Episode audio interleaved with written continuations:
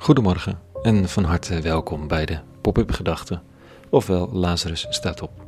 Ik ben Rico en ik schrijf overwegingen om de dag mee te beginnen op de werkdagen van de week, zo tussen 6 en 7 uur s morgens. Vandaag met de titel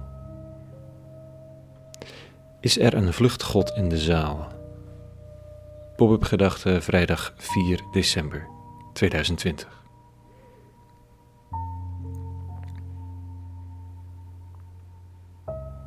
Het begint vanochtend met een appje van Ali. Hij zit opgesloten in het nieuwe kamp Moria op Lesbos. Net als iedereen daar, opgesloten. Niemand mag dat kamp uit, bijna niemand. Slechts weinigen mogen erin. Aan kinderen wordt nog wel eens wat gedacht in dat kamp, aan gezinnen ook. Maar ben je enigszins volwassen en man, dan ben je verloren. Vanochtend appte hij hoe hij werd afgesnauwd door de politie toen hij kwam melden dat zijn papieren gestolen zijn.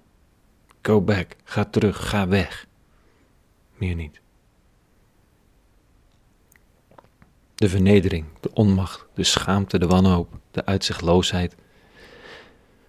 Ik moet eraan denken als ik deze tekst lees van de profeet Jezaja vanochtend, die oplossingen belooft voor het Joodse volk waar de profeet onderdeel van uitmaakt. Dit staat er in hoofdstuk 29. Want het is gedaan met de geweldenaar, voorbij met de spotter. Ieder die op onrecht zint zal vergaan.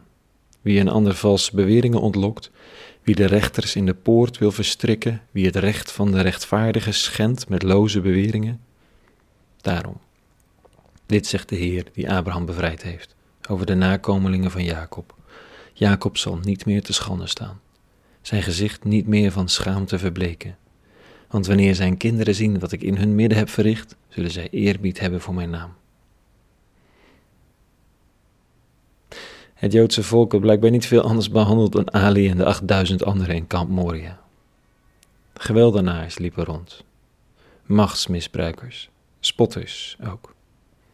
Oh, zo kwam een van de vluchtelingen die in het kamp woont en vrijwilliger is van een organisatie en, en daardoor het kamp uit mag bij de poort om weer naar binnen te gaan. De wacht vroeg ruw wat hij kwam doen. Ik ben vrijwilliger, zei hij.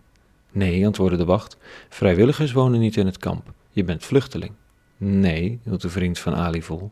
Ik ben vrijwilliger en ik ben gevlucht. Onmogelijk was het antwoord. Als je vrijwilliger bent, blijf je buiten. Zeg dat je geen vrijwilliger bent, maar vluchteling. En ik laat je binnen. Met het schaamrood van woede op de kaken moest hij wel toegeven aan deze machtswellusteling. Zijn familie wachtte binnen in het kamp. Wat voor mogelijkheid had hij? De geweldenaar, de spotter uit de eerste regel, ze zijn er.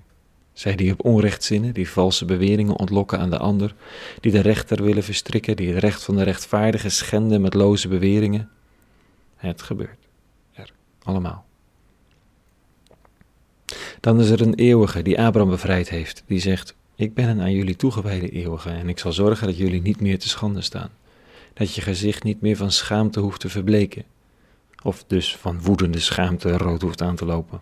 Dat de haat niet meer hoeft op te borrelen in je hart tegen de machtsmisbruikers en degenen die sadistisch deel uitmaken van een slecht systeem. De eeuwige zal bevrijden, zo besluit de profeet. Nou, het heeft even geduurd. Bevrijding komt ook heel anders dan men had gedacht. Er wordt geboren in een onooglijke stal, gehaat door de leiders van het volk dat bevrijding zoekt en sterft. Maar het begin is er en het groeit wereldwijd. Is er ook een vluchtgod een God van de Afghanen, Syriërs, Pakistanen? Is er een profeet die met droge ogen kan beweren dat de geweldenaars en de spotters zullen vergaan omdat de eeuwige die zich over kwetsbaren ontfermt deze situatie vandaag niet zal laten voortbestaan? Is er een profeet die het ineenvallen van dit vervloekte systeem dat we hebben bedacht durft te voorspellen? En als die er niet is, moeten wij dat dan zijn? In een moedige, hoopvolle en gelovige gok op de karaktereigenschappen van de eeuwige, die zich ooit over dat volk van Abraham ontfermde, dat die nu ook hier orde op zaken zal komen stellen. We weten inmiddels dat die orde wat anders tot stand komt dan iemand kan denken, maar dan nog. De profeet is nodig van een vluchtgod, in wiens naam over hen die gevlucht zijn kan, ze, kan gezegd worden, wat Jezaja over zijn volksgenoten zei. Mogen het in Gods naam waar zijn. Tot zover vanochtend. Het werd een roep om rechtvaardigheid vanochtend in plaats van een kalme weekafsluiting. Het is wat het is. In dit alles een hele goede vrijdag gewenst en vrede. En alle goeds.